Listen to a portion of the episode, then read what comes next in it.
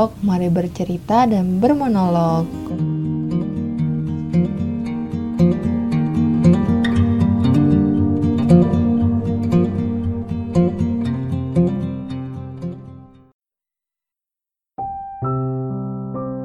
Hai, selamat datang di podcast tempat bermonolog. Ini adalah podcast yang dirancang untuk sahabat monolog di mana aku akan membacakan sebuah kisah atau pengalaman yang berkaitan dengan kehidupan sehari-hari. Bersama aku Widya Dara, seperti biasa ceritamu dan monologmu Widya tampilkan di sini. Dalam episode kali ini, aku akan membahas tentang cerita si sulung. Tetap stay tune terus dan selamat mendengarkan.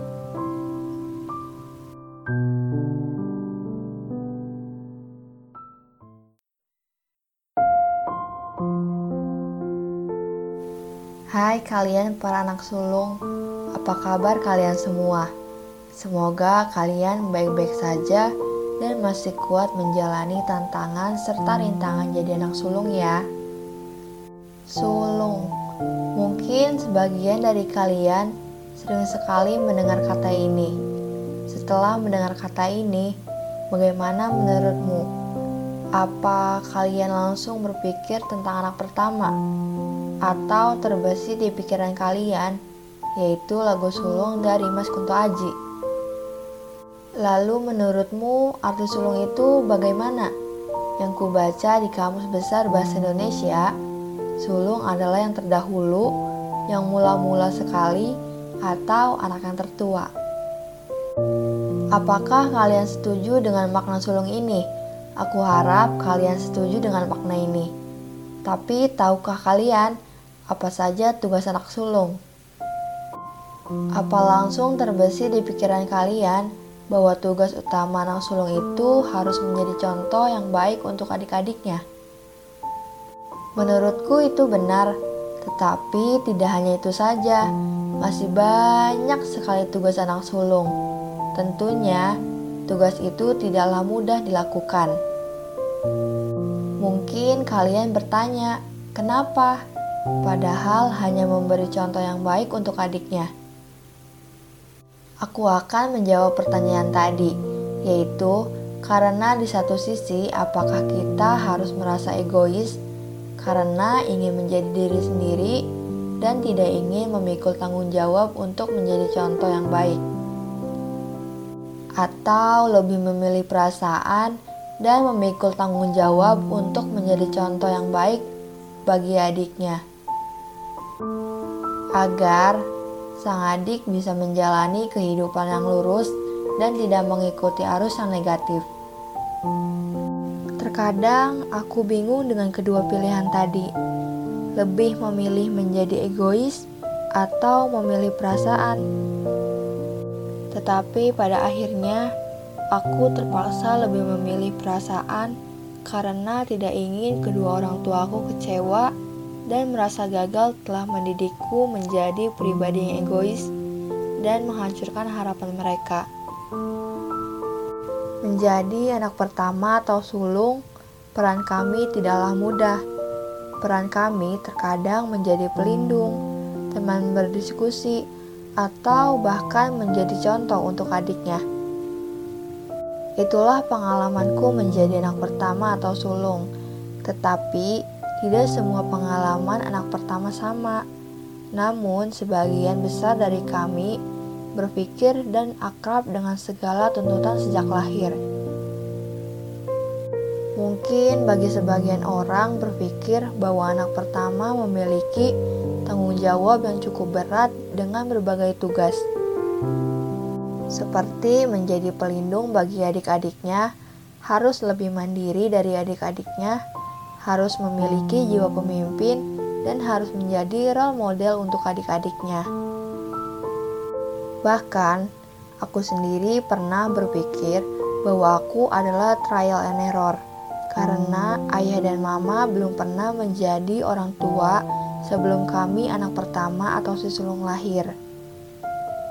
Mereka masih minim akan pengetahuan mendidik kami dari bayi hingga dewasa dan aku merasa bahwa anak pertama menjadi bahan percobaan dan jika gagal, maka akan diperbaiki ke anak selanjutnya. Apalagi saat adik belum lahir, kami para anak pertama atau si sulung menjadi satu-satunya perhatian. Terkadang ayah dan mama terlalu overprotective dan terlalu mengatur kami untuk memberikan yang terbaik. Lalu ekspektasi-ekspektasi yang diberikan orang tua secara tidak langsung harus membuat diri kami para si sulung harus terlihat kuat dan bisa diandalkan. Dan tak jarang kami merasa depresi karena ekspektasi ini. Kemudian, kami juga dituntut untuk selalu mengalah dan selalu paham akan keadaan. Contohnya, seperti ketika aku memiliki sebuah mainan, kemudian adikku menginginkannya. Sebenarnya, aku tidak ingin memberikan mainanku, tetapi setelah mama mengatakan, "Kasih ya, Kak, mainannya ke adik." Kakak kan sudah besar, harus mengalah ya sama adik. Kata-kata itu seperti sebuah lirik dari lagu yang sering ku dengar di playlist musikku. Relakan yang tak seharusnya untukmu, yaitu lagu yang berjudul Sulung yang dibawakan oleh Mas Kunto Aji. Lalu saat kami beranjak dewasa, ketika adikku menginginkan sebuah benda dan diberikan oleh ayah, tetapi saat aku meminta pada ayah, ayah berkata, "Sabar ya, gantian sama adik." Sejujurnya aku sedih mendengarnya, karena sebelum adik lahir, aku menjadi prioritas ayah dan ibu. Tetapi sejak adik lahir, aku merasa posisiku sedikit tergeser karena adik.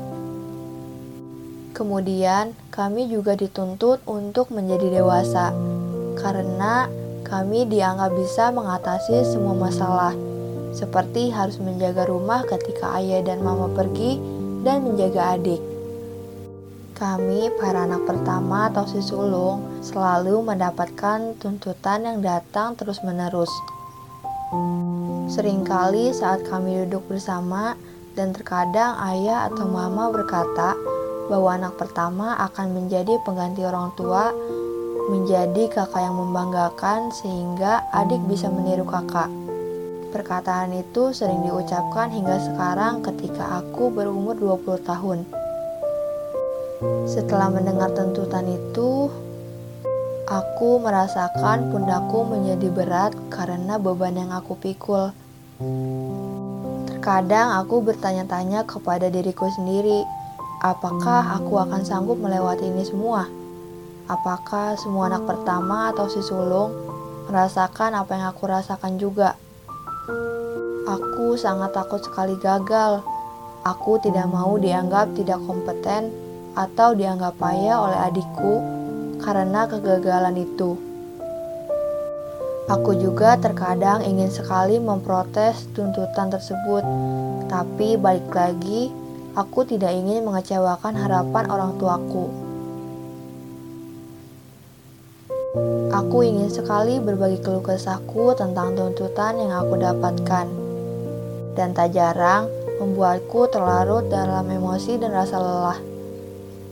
Terkadang, jika sudah terlalu berat, aku suka menangis diam-diam di kamar dengan ditutupi oleh bantal guling agar tangisanku teredam. Dengan begitu, aku merasakan sedikit kelegaan. Lalu, rasa lelah akan semakin menggebu ketika kami, para anak pertama atau si sulung, tidak memiliki tempat untuk berbagi perasaan dan emosi. Mungkin orang tua selalu berpikir bahwa itu adalah tanggung jawab kami, dan mereka merasa bahwa kami kuat untuk menjalaninya. Pada akhirnya, mungkin aku atau sebagian besar anak pertama lebih memilih untuk diam, dan kami pendam sendiri, serta lebih memilih untuk menjalaninya saja.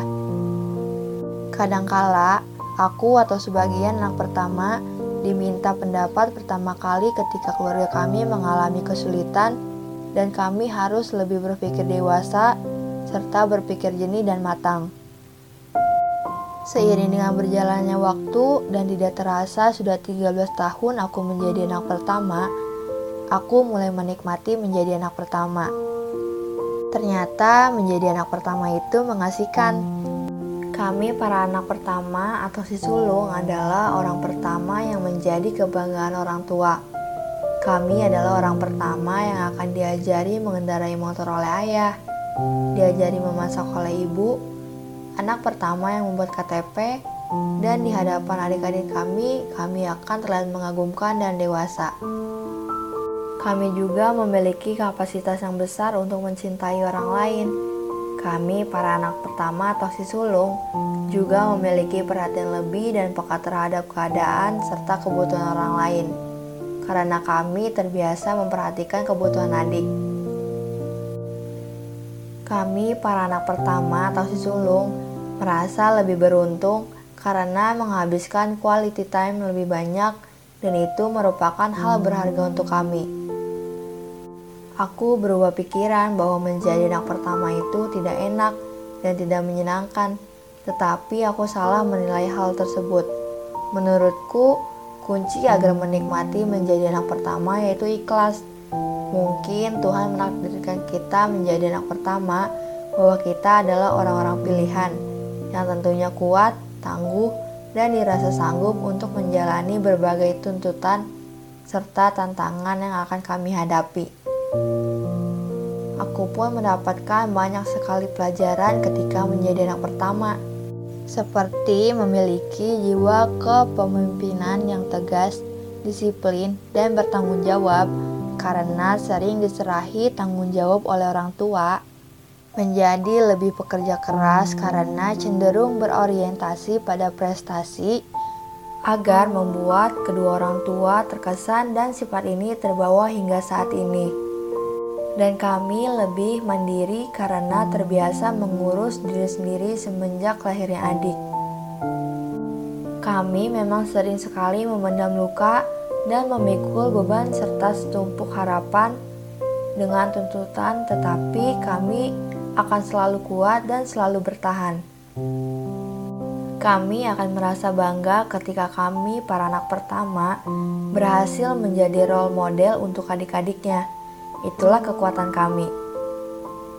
Kita juga harus melihat beban anak pertama dari dua sisi, yaitu sisi positif dan sisi negatif. Beban kami para anak pertama atau si sulung memanglah berat, tetapi tidak sebanding ketika kami merasa bangga yang disematkan kepada kami ketika menjadi panutan untuk adik-adik. Pesanku untuk semua anak pertama atau si sulung, Jangan lupa istirahat jika kalian merasa lelah. Atau take a break sejenak karena memikul beban yang berat dan dari semua rutinitas serta tuntutan terhadapmu. Perlakukan dirimu sebaik kamu memperlakukan orang lain. Kamu harus ingat bahwa kamu manusia dengan kemampuan yang terbatas dalam melakukan satu hal kamu juga harus tahu apa yang kamu sukai dan yang tidak kamu sukai, karena kamu yang paling mengenal dirimu sendiri. Kamu juga mungkin memiliki mimpi dan cita-cita yang tentunya harus kamu raih, dan kamu harus memilih jalanmu sendiri. Semoga kalian, para anak pertama atau si sulung, sehat selalu, selalu kuat, dan tangguh dalam menjalani berbagai tuntutan dan harapan yang dilimpahkan kepadamu. Seperti salah satu quotes yang aku baca, bahumu harus kuat baja dan hatimu harus tegar karang. Mungkin sekian untuk episode kali ini. Terima kasih telah mendengarkan podcast tempat bermonolog bersama saya Widyadara. Sahabat monolog juga bisa mengirimkan kisahnya ke email kami di tempat bermonolog gmail.com. Tempat bermonolog akan tayang setiap Kamis tentunya dengan cerita yang dirangkai dengan hati, serta mari bercerita dan bermonolog.